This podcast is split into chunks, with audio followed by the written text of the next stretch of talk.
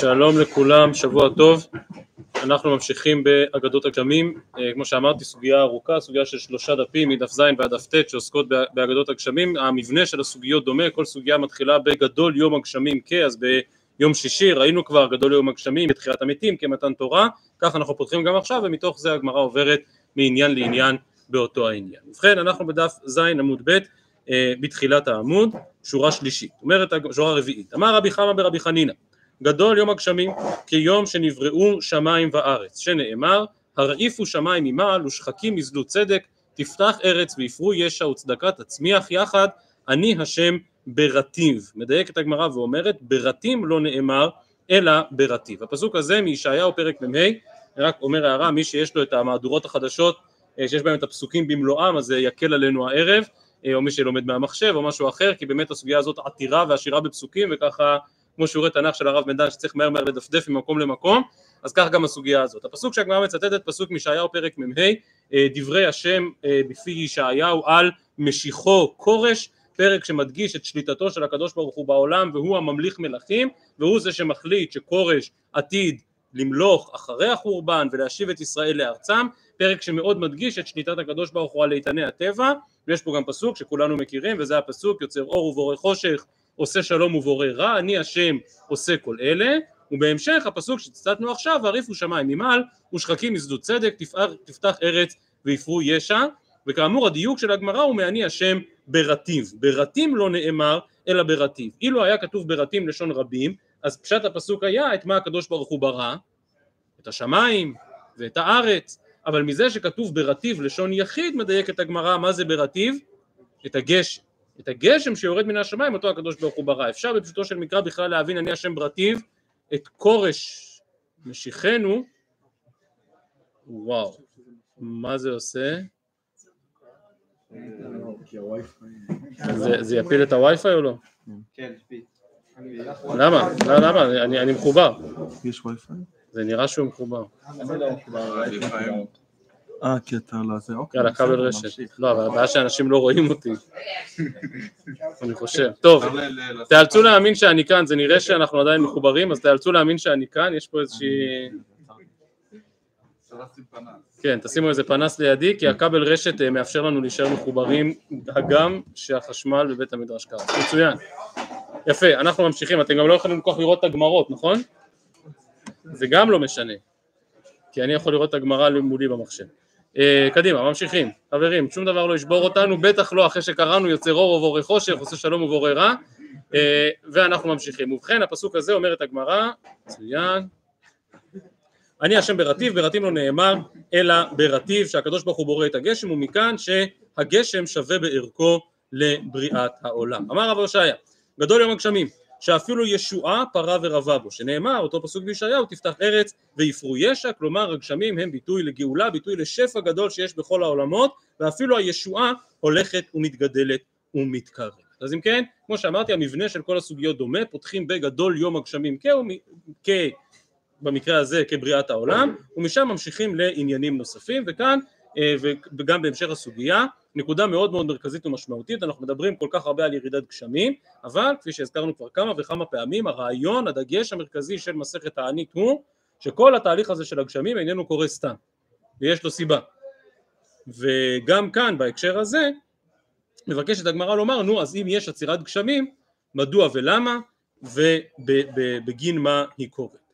אמר רבי תנחום ברבי חינני אין הגשמים יורדים אלא אם כן נמחלו עוונותיהם של ישראל, שנאמר בתהילים רצית השם ארצך, שבת שביט יעקב, נשאת עוון עמך, כיסית כל חטאתם סלע. מפרשים כאן מסבירים שברור שהפסוק הזה מדבר על מחילת העוון, מה הקשר בין זה לבין ירידת גשמים, אז מפרשים כאן מסבירים שהלימוד הוא מתחילת הפסוק רצית השם ארצך. זה שהקדוש ברוך הוא רוצה את הארץ הוא מוריד לגשם במידה רבה אפשר אבל גם להבין שהדיוק הוא מהסיפא של אותו מזמור בתהילים שכן הוא מסתיים כמו שהגמרא מיד תזכיר את הפסוקים הללו באמת מארץ תצמח גם השם ייתן הטוב וארצנו תיתן יבולה ואם כן המזמור הזה גם פותח ברצית השם ארצך אבל גם מסיים בעניין הזה של, אה, של ירידת גשמים ושל ארצנו שתיתן את יבולה. ובכן כאמור הגשמים יורדים רק אחרי מחילת העוון זה לא מקרה שהם נעצרים והם אכן ירדו רק אחרי שנמחלו עוונותיהם של ישראל.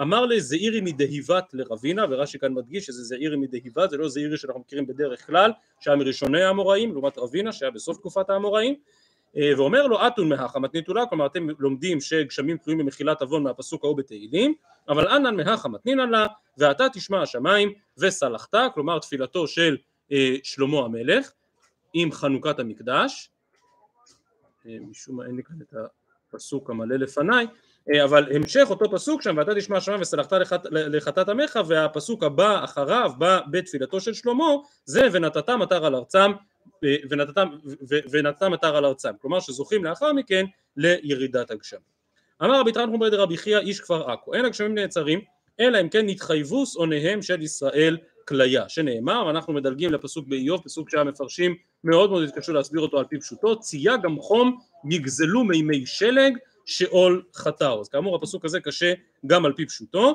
אבל כל פנים הגמרא כאן דורשת ואומרת שהגשמים נעצרים רק, כלומר צייה גם חום יגזלו מימי שלג, החום והשרב עוצרים את ירידת הגשמים עם שאול חטא. אם עם ישראל מגיע עד שאול, אם החטא כל כך חמור, ברמה שנתחייבו שונאיהם של ישראל כליה, ושוב אמר לזירי מדיבת רבינה, אתו מאחה מתניתו לה, אבל אחא מהנא מתנינא לה, ועצר את השמיים ולא יהיה מטר, ועבדתם מהרה, כלומר הדרשה הקודמת, והמפרשים עומדים כאן גם על הנקודה הזאת, הדרשה הקודמת אמרה שיורד גשם רק כשנמחלים עוונות, הדרשה הזאת אומרת שנעצר הגשם כאשר החטאים כבר כל כך חמורים עד כדי זה שכביכול נתחייבו כליה. אמר רב חיסדא אין גשמים נעצרים אלא בשביל תרומות ומעשרות שנאמר וגם הוא מתבסס על הפסוק הזה באיוב צייה גם חום יגזלו מימי שלג מה הקשר בין הפסוק צייה גם חום לבין תרומות ומעשרות? מהי משמע? תנא דבר רבי ישמעאל בשביל דברים שציוויתי אתכם בימות החמה ולא עשיתם כלומר לא הפרשתם תרומות ומעשרות כהלכתם ממילא יגזלו מכם מימי שלג בימות הגשם ממשיכה הגמרא עם העוונות שגורמים לעצירת גשמים, אמר רבי שמעון בן פזי, אין הגשמים נעצרים אלא בשביל מספרי לשון הרע, שנאמר, ואנחנו מדלגים לפסוק במשלי, רוח צפון תחולל גשם, ופנים נזעמים לשון סתר. פשוטו של מקרא בפסוק הזה הוא, שכפי שהרוח הצפונית, החורפית, היא זאת שמובילה לגשמים, כך לשון סתר מוביל לזעם חברתי, מוביל לפנים נזעמים. אלה שמדברים לשון סתר, אלה שמדברים לשון הרע, אוכלים את החברה מבפנים. שוב, הרוח מחוללת את הגשם, כמו שהלשון הרע מחולל את המשבר החברתי. הדרשה בסוגייתנו היא קצת הפוכה, וזה שלשון סתר תחולל, כמו שרש"י כאן מסביר, מלשון מבטלת את הגשמים.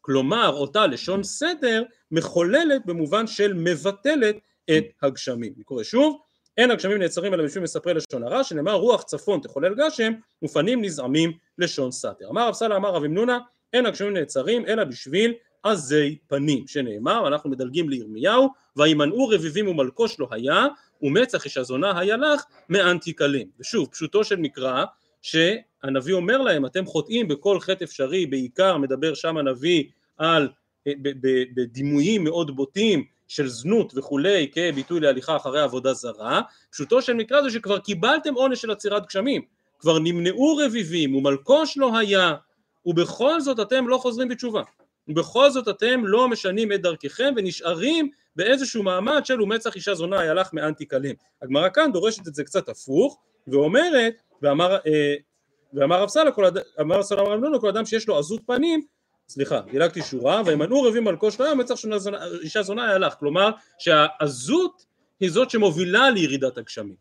לא שהעזות היא בזה שאתם לא חוזרים בתשובה אחרי ירידת הגשמים, אלא עזות הפנים היא זאת, היא העבירה שמובילה בסופו של דבר לעצירת הגשמים. מתוך שהזכרנו את הפסוק הזה, ממשיכה הגמרא ואומרת, ואמר רב סלע אמר רב אמנונה, כל אדם שיש לו עזות פנים, סוף נכשל בעבירה, שנאמר ומצח אישה זונה היה לך. כלומר אדם שמתחיל מעזות פנים יגיע עד כדי החטא החמור הזה. רב נחמן אמר בידוע שכבר נכשל בעבירה פעם שנאמר היה לך ולא נאמר יהיה לך. ואם כן האם אתה רואה אדם עז פנים על כל המובנים של הביטוי הזה וכידוע יש לו משמעויות שונות אזי מי שבאמת מגיע עד כדי עזות פנים אין ספק שהוא אה, יגיע גם לחטאים מאוד חמורים. אמר רבא בר הונא כל אדם שיש לו עזות פנים מותר לקרותו רשע שנאמר הפסוק במשלי העז איש רשע בפניו וישר הוא יבין דרכו. העז איש רשע בפניו במובן שאם הוא אכן עז פנים, העז איש, אז רשע בפניו, אז ממש מותר לכנות אותו רשע. נחמן בר יצחק אמר לא רק שמותר לכנות אותו רשע, אלא מותר גם לשנותו, שנאמר, מה כתוב בפסוק?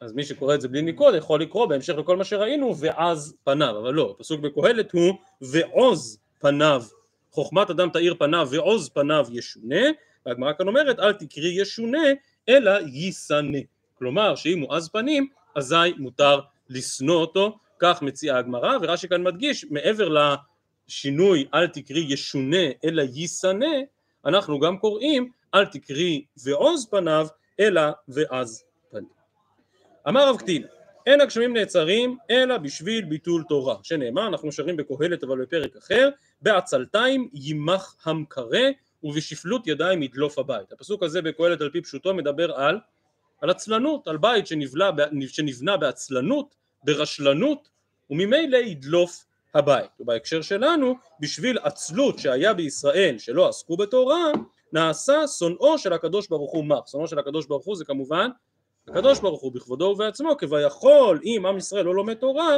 אז הקדוש ברוך הוא כביכול נהיה מח ואין מח אלא אני שנאמר וימח הוא מערכך ואין מקרא אלא הקדוש ברוך הוא שנאמר המקרא במים עליותיו מה זה אומר? כביכול שהקדוש ברוך הוא נהיה עני שכאילו אין לו גשם להוריד. ויכול אין לו מה לתת לנו אין לו גשם להוריד והכל בגלל העצלות הזאת בלימוד התורה. רב יוסף אמר מהכה פסוק באיוב והגמרא יהיה עכשיו סדרה של אה, דרשות מצמד הפרקים הללו באיוב ל"ו ול"ז זה מענה אליהו שכמו הרבה מקומות באיוב כאשר מנסים לתאר את גדלותו של הקדוש ברוך הוא הן אל שגיא ולא נדע מספר שנה ולא חקר אז מראים את כוחו של הקדוש ברוך הוא בהורדת גשמים. צמד הפסוקים הללו באיוב ל"ו ול"ז מענה אליהו באמת קשור או משתמש הרבה מאוד בדימויים ובדוגמאות הללו של ירידת גשמים. ואם כן בכלל הדברים שהם נאמר אומר רב יוסף מהכה ועתה לא ראו אור בהירו בשחקים ורוח עברה ותטהרם.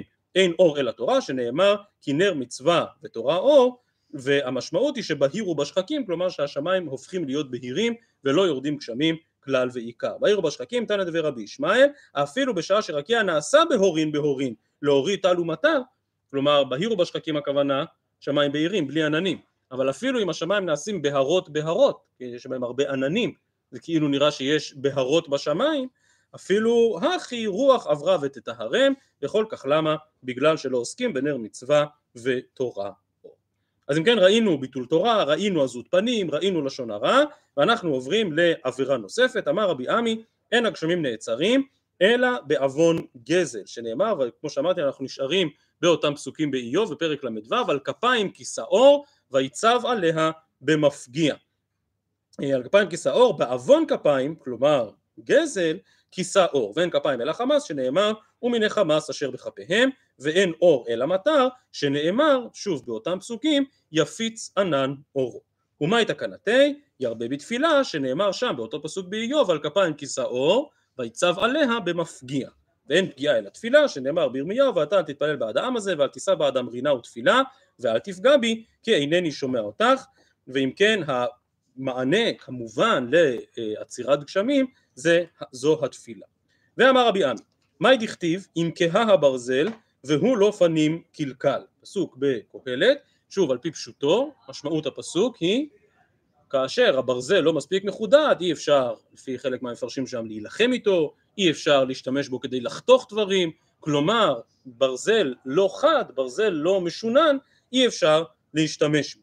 הדרשה אצלנו היא אם כהה הברזל והוא לא פנים קלקל, אם ראית רקיע שכיהה כברזל מלהוריד ומטר, זה בשביל מעשה הדור שהן מקולקנים, שנאמר והוא לא פנים קלקל, ומה תקנתן, אז איך צריך לפתור את זה? אז בדיוק כמו שראינו מקודם, הפתרון הוא וחיילים יגבר ויתרון הכשר חוכמה. מה זה ויתרון הכשר חוכמה? כל שכן אם הוכשרו מעשיהן מעיקר. כלומר אם המעשים שלהם מראש היו טובים אז לא יגיעו לידי ירידת גשמים, ואם כבר הגיעו לידי ירידת גשמים אז התקנתן זה יתגברו ברחמים שנאמר וחיילים יגבר. היות שהזכרנו את הפסוק הזה בקהלת, אז הגמרא מוסיפה ודורשת אותו, והדרשה הבאה אה, מאוד קשורה, אני חושב, לפשוטו של מקרא, כמו שהסברנו אותו מקודם, שקהלת מדבר על ברזל לא מחודד, ברזל שאי אפשר לעבוד איתו, אז הגמרא ממשילה את זה ללימוד תורה. אומרת הגמרא ריש לקיש אמר אם ראית תלמיד שלימודו קשה עליו כברזל בשביל משנתו שאינה סדורה עליו שנאמר והוא לא פנים קלקל ומאי תקנתי ירבה בישיבה שנאמר וחיילים יגבר ויתרון הכשר חוכמה הכוונה שכל שכן אם משנתו סדורה לו מעיקר.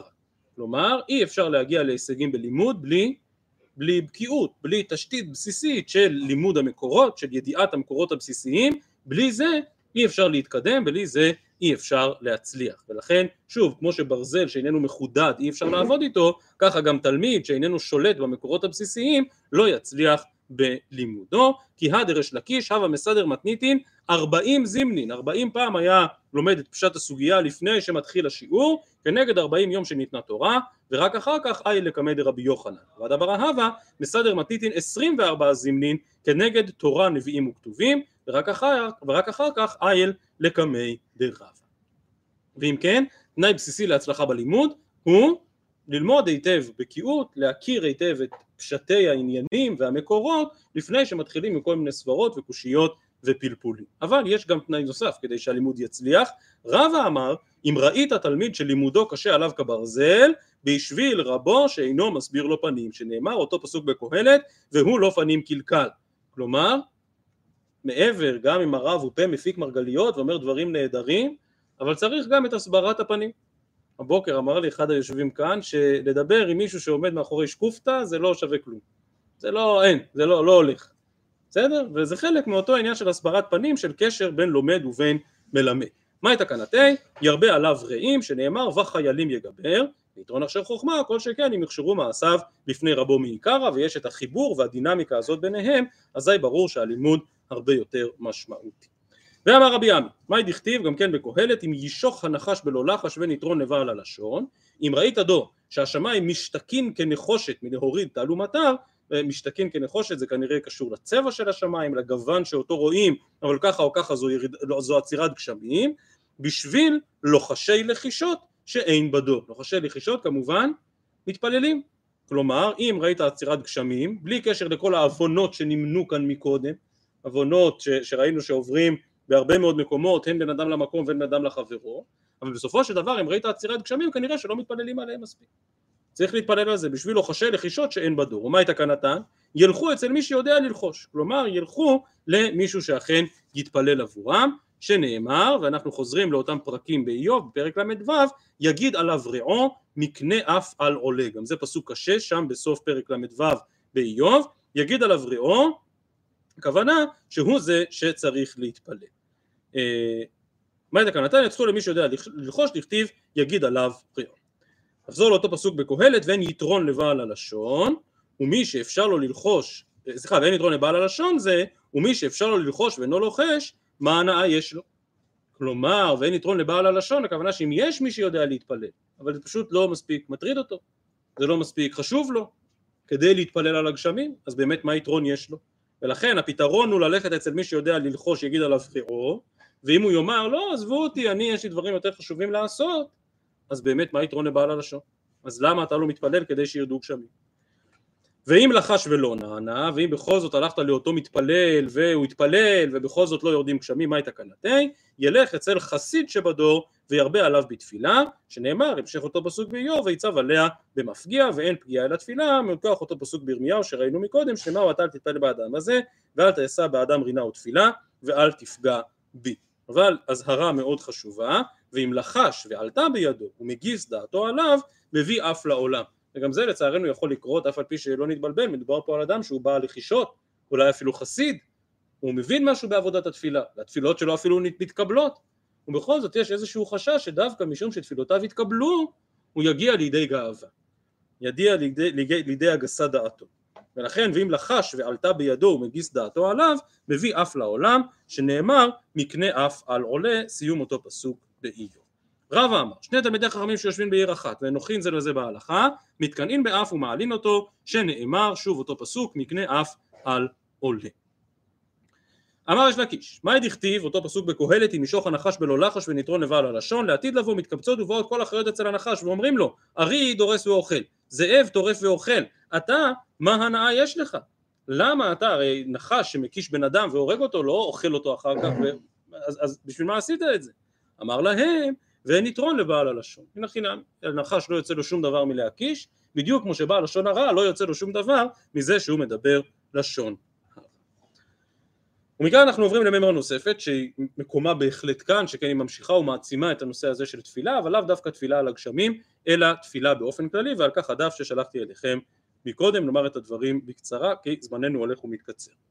את המשפט הזה בגמרא ראינו כבר אה, בסיום של ראש השנה, כשדיברנו על הכוח הציבורי ועל המשמעות הציבורית שיש בעניין הזה של תענית על הגשמים, אבל אני רוצה שהפעם נתמקד דווקא ברישא של אותה מימרה. אמר רבי עם, אין תפילתו של אדם נשמעת אלא אם כן משים נפשו בכפו, שנאמר נישא לבבינו אל כפיים. שואלת הגמרא הנה והאוקים שמואל המורה עלי ודרש ויפתוהו בפיהם ובלשונם יכזבו לו וליבם לא נכון עמו ולא נאמנו בבריתו כך נאמר בתהילים ואף על פי כן נאמר שם באותו מזמור והוא רחום יכפר עוון ולא ישחית מכאן שתפילת הציבור מתקבלת בכל מקרה גם אם לא בדיוק שמים נפשם בכפם עונה הגמרא וכאמור ראינו את זה בסיום של ראש השנה לא קשיא כאן ביחיד כאן בציבור. הנה חינם. תפילת הציבור מתקבלת גם אם היא לא מגיעה עד כדי אותה מעלה של ישימו נפשם בכפם. אבל תפילתו של היחיד חייבת להגיע אל המדרגה הזאת. מה זאת אומרת? מה העניין לשים נפשו בכפו בתפילה? אז הראשונים כאן כולם הסבירו שמדובר על עניין הכוונה אבל הציגו את הדבר הזה בניסוחים שונים וזה מה שציינתי כאן במספרים שיש בדף רש"י כאן לפנינו אומר שלוש פעמים שמדובר על הכוונה נפשים נפשו בכפו אומר רש"י שנפשו מכוונת בכפו או שליבו שלם בתפילה, או שליבו מכוון בתפילה. אלו פירושיו של רש"י להסביר מה זה לשים נפשו בכפו. המהרש"א מצטט את הפירוש של רש"י, אבל אומר המהרש"א שאם מדובר רק, רק על הכוונה זה כנראה לא מספיק. זה שהגמרא כאן משתמשת בביטוי לשים נפשו בכפו זה כנראה משהו מעל ומעבר לסתם כוונה בתפילה. ולכן אומר המהרש"א ונראה דמשים נפשו בכפו הוא דבר נוסף, דליבו מכוון כל כך לשמיים שיהיו פיו וליבו שווים. כאילו הם במקום אחד בכפו. כלומר אתה כאילו ממש מחזיק את הלב ואתה אומר הנה התפילה שלי היא לא רק בכוונה אלא היא גם תפילה כנה. היא תפילה שיש בה לגמרי מעלה של פיו וליבו שווים. האחרונים כאן מפנים תשומת הלב לירושלמי שהירושלמי מזכיר את אותה דרשה עצמה אבל בניסוח קצת אחר הירושלמי מתבסס על אותו פסוק ש, שנמצא כאן לפנינו של נישא לבבינו אל כפיים ואומר הירושלמי ואפשר כן אית ברנש דנסב ליבי ויאיב גו ידי לא הבנתי, אפשר להחזיק את הלב בידיים? אלא מהו נישא לבבינו אל כפיים, נשב אל ליבינן לכף ידינן, ואחר כך אל אל בשמיים, ואם הביטוי לא ברור אז הירושלמי מסביר, כך אם יהיה שרץ בידו של אדם אפילו טובי במי שילוח או במי בראשית, אין לו טהרה עולמית, השליחו מידו, מיד טהר. כלומר, מה זה לשים נפשו בכפו, מה זה נישא לבבינו אל כפיים? תבדוק את ניקיון כפיך לפני שאתה מתפלל.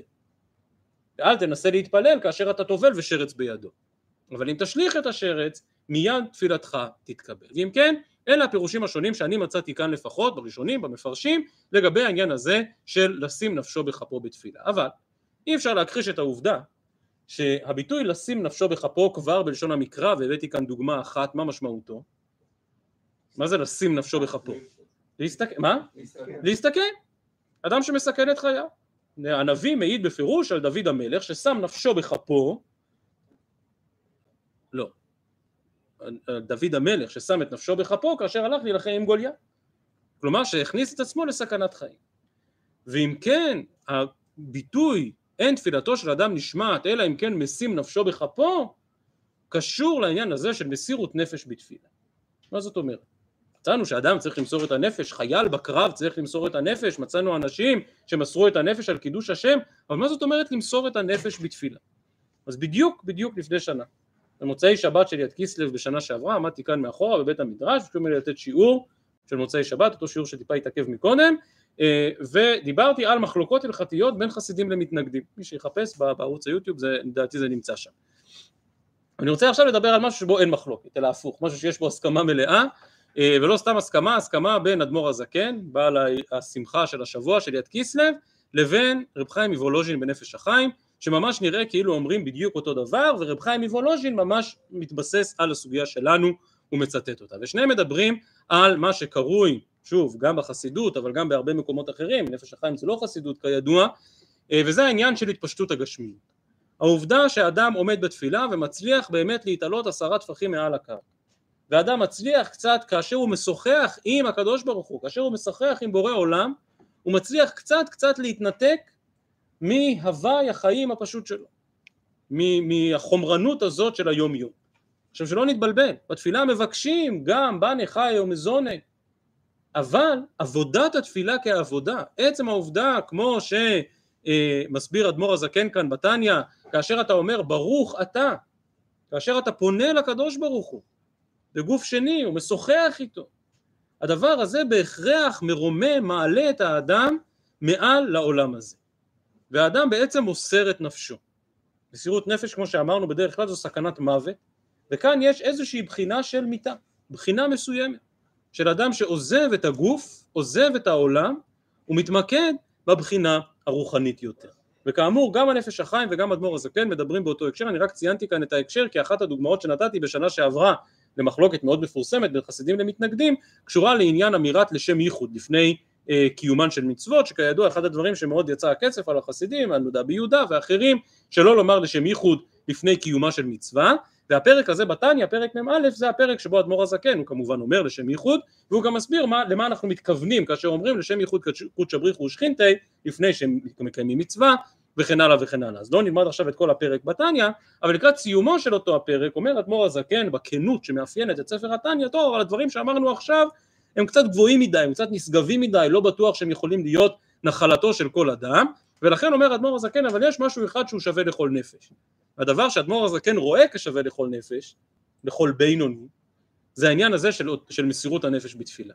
והאדמו"ר הזקן מדגיש באופן מיוחד את זה שאנחנו פותחים את סדר התפילה בבוקר באלוהי נשמה שנתת בי ואתה עתיד לתלה ממני ולחזירה בי לעתיד לבוא כלומר אנחנו מנסים להדגיש את הנשמה עוד יותר מאשר את ענייני הגוף ואין ספק שגם הדבר הזה הוא חלק ממסירות הנפש בתפילה. אז חשוב היה לי להביא את דברי נפש החיים ואדמו"ר הזקן אחד ליד השני כדי להראות שעם כל המחלוקות שבין חסידים ומתנגדים יש גם הרבה מאוד נקודות אה, דומות וקרובות ולא רק מחלוקות. אולי אפילו אפשר לומר שיש יותר דברים שמסכימים עליהם מדברים שלא מסכימים עליהם. אה, ובהמשך המקורות כאן יש גם דוגמאות נוספות. רציתי קצת לדבר על איך שרבי נחמן רואה את הנושא הזה ומה שרבנו כותב על נושא ההתבודדות אבל כבר לנו זמן עכשיו אז מי שרוצה אחר כך פה במקור תשע תורה מאוד חשובה של רבנו על הנושא הזה של משמעות ההתבודדות וכמובן גם הוא מזכיר, רבי נחמן מזכיר כאן את הגמרא שלנו על אדם ששם את נפשו בכפו בתפילה. אז יש להעריך במקורות הללו אבל אין לי זמן עכשיו להרחיב בהם יותר ואידך פירוש ההוא זילגו אנחנו חוזרים אל העניין שלנו. אומרת הגמרא ח' עמוד א' למטה אמר רבי עמי אין גשמים יורדים אלא בשביל בעלי אמנה. כלומר אם אנשים עומדים בדיבורם ואנשים נאמנים בדיבורם זוכים לירידת גשמים שנאמר אמת מארץ תצמח וצדק משמיים נשקף זה הסיפה של אותו מזמור פ"ה בתהילים שכבר הזכרנו מקודם שכנראה אכן מדבר על העניין של ירידת גשמים. ואמר, ואמר אה, נדמה לי שזה רבי חנינא אה, רבי עמי אה, בואו ראה כמה גדולים בעלי אמנה מניין מחולדה ובור מה המאמין בחולדה ובור כך המאמין בקדוש ברוך הוא על אחת כמה וכמה וזה אחת הסוגיות שבהן הגמרא בעצם לא אומרת בכלל על מה מדובר ובכל זאת לכל הראשונים לרש"י ולתוספות היה ברור לחלוטין על מה מדובר מה זה מעשה בחולדה ובור אז אנחנו באמת לא יודעים אבל כנראה שוב במדרשים או בקבצים שעמדו לנגד עיני הראשונים היה ברור מאוד מהו מעשה בחולדה ובור ורש"י ותוספות מספרים כאן את הסיפור מדובר על אדם אה, שפעם התחייב למישהי שהתחתן איתה היא שאלה אותו מי מעיד אז אה, בדיוק היה שם בור ועברה חולדה ליד הבור אז הוא אמר לה הבור והחולדה יעידו. לימים הלך והתחתן עם אישה אחרת ונולדו להם שני ילדים, אחד ננשך על ידי חולדה ואחד נפל לבור, ואז אשתו שואלת אותו מה, מה קורה לילדים שלנו? והוא סיפר לה שבאמת אני פעם התחייבתי להתחתן עם אחרת, ובאמת התגרש מאשתו הראשונה וחזר והתחתן עם אותה אחת שהתחייב לה, ככה או ככה מעשה בחולדה ובור בא לבטא שאם התחייבת למשהו ואם אה, אה, נתת את מילתך עליך לעמוד בדיבורך ולא להיות חלילה ממחוסרי אמנה. ואם ככה זה חולדה ובור אז מאמין בקדוש ברוך הוא על אחת כמה וכמה. אמר רבי יוחנן כל המצדיק את עצמו מלמטה מצדיקים עליו הדין מלמעלה שנאמר אמת מארץ תצמח וצדק משמיים נשקף רש"י והרוב המפרשים כאן בעקבותיו מסבירים שזו גמרא של דין של אמת כלומר כל המצדיק עצמו מלמטה הכוונה כל אדם שהוא צדיק אז מדקדקים איתו כחוט השערה מלמעלה, כי ידוע שהקדוש ברוך הוא מדקדק עם צדיקים כחוט השערה, נוקט איתם דווקא את מידת הדין, למה? כדי שיבואו על עונשם בעולם הזה, כדי שיזכו לעולם הבא. אז אפשר היה להסתכל על הפסוקים הללו של אמת מארץ תצמח כפסוקים של נחמה, של זה שמישהו צדיק אז מבטלים לו, ממתיקים לו את הדינים, אבל כאמור רש"י כאן לא מפרש ככה, רש"י מפרש אמת מארץ תצמח וצדק משמיים נשקף במובן של מי שבאמת הולך בדרך הצדק אז הוא נידון במידת האמת בבחינת מתקדק עמהם כחוט השערה רבי חייא בר אבין אמר אבונה מהכה וכיראתך עברתך כלומר באמת אלה שהם אה, צדיקים ויראים הם נידונים במידת הדין. ריש לקיש אמר מהכה מפסוק בישעיהו פסוק שגם הוא די קשה על פי פשוטו וכך אומר ישעיהו פגעת את שש ועושה צדק בדרכיך. כלומר פגעת את שש במובן של אדם שהוא שמח במצוות וכולי ובכל זאת הוא נפגע יזכרוך הן אתה קצבת ונחתה בהם עולם וניוושע כך אומר הנביא ישעיהו. אמר יש לקיש כל השמח בייסורין שבאים עליו מביא ישועה לעולם שנאמר בהם עולם וניוושע הסיום של אותו פסוק אמר ריש לקיש מה דכתיב ועצר את השמיים בשעה שהשמיים נעצרים מלהוריד מטר דומה לאישה שמחבלת ואינה יולדת. זה לא סתם אישה עקרה שאין לה ילדים, מה זה אישה שמחבלת ואינה יולדת? מחבלת מלשון חבלי לידה. זה כבר מגיע, זה כבר שם, היא סובלת את הכאב ובכל זאת לא זוכה לילד. כך עצירת הגשמים. והיינו דאמר ריש לקיש משום בר קפרא, נאמרה עצירה בגשמים ונאמר עצירה באישה. נאמר עצירה באישה שנאמר כי עצור עצר השם בעד כל רחם. ונאמר עצירה בגשמים דכתיב ועצר את השמיים. נאמר לידה באישה שנאמר ונאמר לידה בגשמים, נאמר לידה באישה דכתיב ותהר ותלת בן, ונאמר לידה בגשמים דכתיב והולידה והצמיחה, נאמר פקידה באישה ונאמר פקידה בגשמים, נאמר פקידה באישה דכתיב והשם פקד את שרה, ונאמר פקידה בגשמים דכתיב פקדת הארץ ותשוקקיה רבת תעשרנה פלג אלוהים מלא מים. אם כן גם הפסוק הזה בתהילים ודאי מדבר על ירידת גשמים והגמרא הזאת חוזרת למה שכבר דיברנו שלושה מפתחות והקשר בין מפתח של חיה לבין מפתח של גשמים. מהי פלג אלוהים מלא מים תנא כמין קובה יש ברקיע שממנה גשמים יוצאים. זה קשור לדף שנלמד בעזרת השם מחר, אה, שהגמרא כאן מנסה קצת לעסוק בענייני מטאורולוגיה ולשאול אז איך בדיוק נוצר הגשם ואיך הוא יורד ומה בדיוק קורה שם ביחס בין האוקיינוס לבין העננים, בעזרת השם מחר. אמר רבי שמואל בר נחמני, אנחנו חוזרים לאיוב פרק ל"ז, אותם, אותם פסוקים אה, שראינו שקשורים במידה רבה לעניין ירידת הגשמים, ובאותו הפרק נאמר אם לשבט אם לארצו, אם לחסד ימציאהו. אם לשבט אם לארצו אם לחסד ימציאהו. מה זאת אומרת? אם לשבט, כלומר אם הגשמים אה, הוחלט שיורדו בשבט, יורדו בכוח, יורדו בזעף, אז לפחות שירדו בערים ובגבעות. כי מה קורה כשהגשמים יורדים בזעף לא בערים ובגבעות? אז ראינו השבת, שוב, לא יודע להגיד לצערנו ולשמחתנו, אבל uh, במקומות השפלה אז עוד פעם נהיות הצפות גדולות ולפעמים אפילו קוראים מזה אסונות ולכן אם כבר יש גשמים חזקים אז לפחות בערים ובגבעות אם לחסד ימציאהו לארצו בשדות וכרמים. ושוב אם לשבט אם זה גשמים חזקים מדי אז לאילנות אם לארצו לזרעים. אם לחסד ימציאהו זה, זה בורות שיחין ומער הלאה אנחנו עוברים לנושא הבא. בימי רבי שמואל בר נחמני הווה כפנה ומותנה השם ירחם. גם היה מגפות ואנשים מתו וגם היה רעב. אמרי היכיני אבי ניבאי רחמי התרתי כלומר נקבע תענית ונבקש שיפסק הרעב ושתיפסק המגפה. לא אפשר. כלומר אי אפשר לקבוע תענית על שני דברים שונים. תענית חייבת להיות רק על דבר אחד מיד הגמרא תסביר מדוע אלא ליבה רחמי אמותנה וחפנה נסבול. כלומר אם יש מגפה ויש רעב סוף כל סוף צריך לעשות תענית על, על המגפה. כלומר נסבול ברעב אבל לפחות שאנשים יפסיקו למות. אמר לי רבי שמואל בר נחמני לא, צריך לעשות ההפך, ניבאי רחמי יקפנה, נתפלל על הרעב, דחייב רחמנה סובעה, לך יודייב, כי אם הקדוש ברוך הוא ייתן פרנסה וייתן אוכל, אז אוכל לא ניתן לאנשים מתים, אלא רק לאנשים חיים, תכתיב, פותח את ידיך ומשביע לכל חי רצון. ומנהל דלא מצליין נתרתי, מאיפה הביאו את הכלל הזה שאי אפשר להתפלל על שני דברים שונים? דכתיב בעזרה ונצומה ונבקשה מאלוהינו על זאת. מישהו זוכר מה זה על זאת שם בעזרה? זה הפרק בעזרה שהוא פרק שאפשר לקרוא לו פרק תפילת הדרך. כאשר הם ביקשו, הם, עזרא מתאר שהם לא רצו לבקש דיווי מהשלטונות ולכן התפללו תפילת הדרך כדי שיזכו להגיע לירושלים בשלום ואם כן משהו שהיה להם עוד הרבה דברים להתפלל עליהם, עוד הרבה דברים לבקש ובכל זאת נצומה ונבקשה על זאת, רק על ההצלחה בדרך. נראה דאיכא אחרית, אה?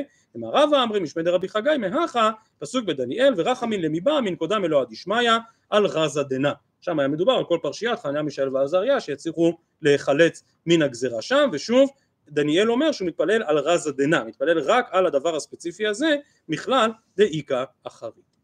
בימי רבי זיירא, גזור גזירה, יש שגורסים כאן גזור גזירת שמד, וגזור דלא למיטב בתעניתא. כלומר גם גזרו גזירות שמד על היהודים, אבל גם אסרו על היהודים להתענות, כי אפילו הגויים הבינו שאם היהודים יקבעו תעניות וכולי על הצרות שיש להם, הם ינצלו מן הצרות. אמר להו רבי זיירא, נקם לאי לבן, ולחיבתי לגזירה ליתווה. טוב, אוסרים עלינו עכשיו השלטונות להתענות, אז מה נעשה? נקבל תענית. ונאמר שאת התענית הזאת נממש, את התענית הזאת נקיים, מתי? כשתוסר הגזירה. אמרו להם מנה לך, מי, מי אמר לך שהפטנט הזה עובד?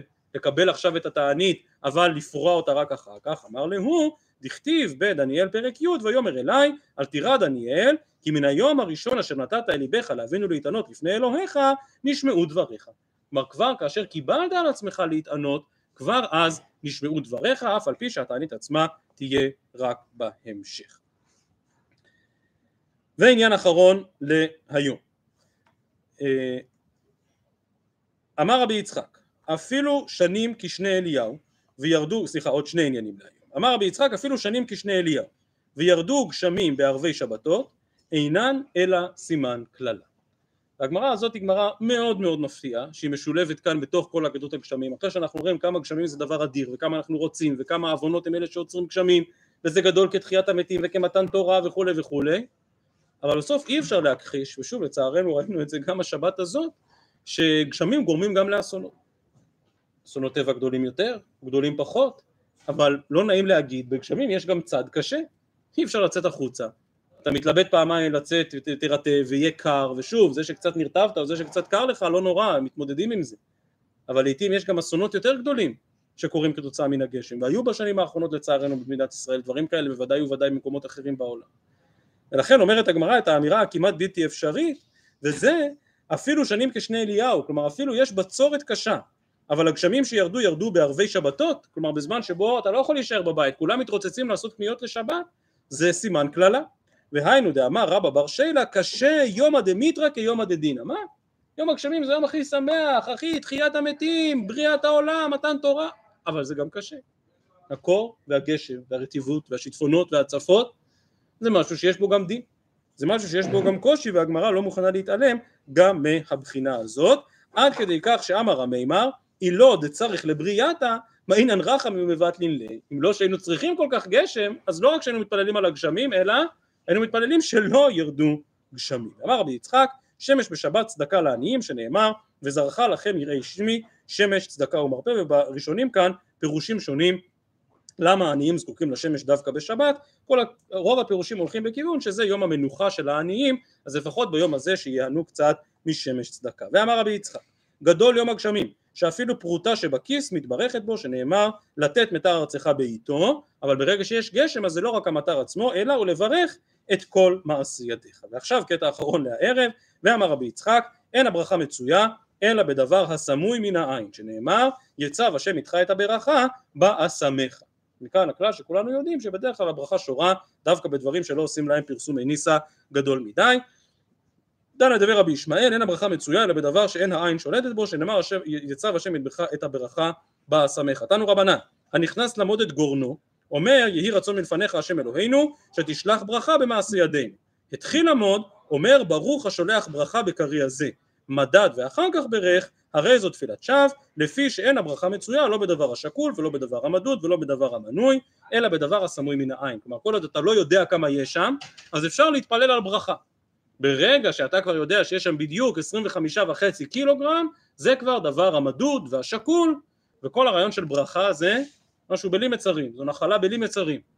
אבל ברגע שמשהו מדוד ושקול וגלוי ושקוף לעין כל, אז הברכה איננה שורה בו. ולכן את אותה תפילה שמתחילה באי רצון מלפניך, אבל ממשיכה בברוך השולח ברכה בקרי הזה, ורש"י כאן מדגיש שהברכה הזאת היא ברכה לכל דבר ועניין. היא ברכה בשם ובמלכות צריך לברך ברוך השולח ברכה בקרי הזה, ואף על פי כן אה, אני לא מכיר מישהו שמברך היום את הברכה הזאת והמשנה ברורה בסימן ר"ל באמת נסביר שלא נהגו לברך את זה בגלל שהברכה הזאת קשורה באופן, מהותה, באופן מהותי לענייני הפרשת תרומות ומעשרות כלומר אם באמת הברכה שורה רק בדבר הסמוי מן העין אז מה אתה הולך למדוד את הגורן בשביל מה? למה? תשאיר את זה סמוי מן העין תשובה אני חייב למדוד כמה יש שם כדי לדעת כמה תרומות ומעשרות אני צריך להפריש. לכן מביא המשנה ברורה שבמקום שבו לא מפרישים תרומות ומעשרות, שזה במציאות שהוא הכיר, אז לא מברכים את הברכה הזאת. אני לא חושב שהיום מברכים את זה גם כשאנחנו זוכים לקיים מצוות הפרשת תרומות ומעשרות, אבל בכל מקרה זה הקישור שהמשנה ברורה שם מציע.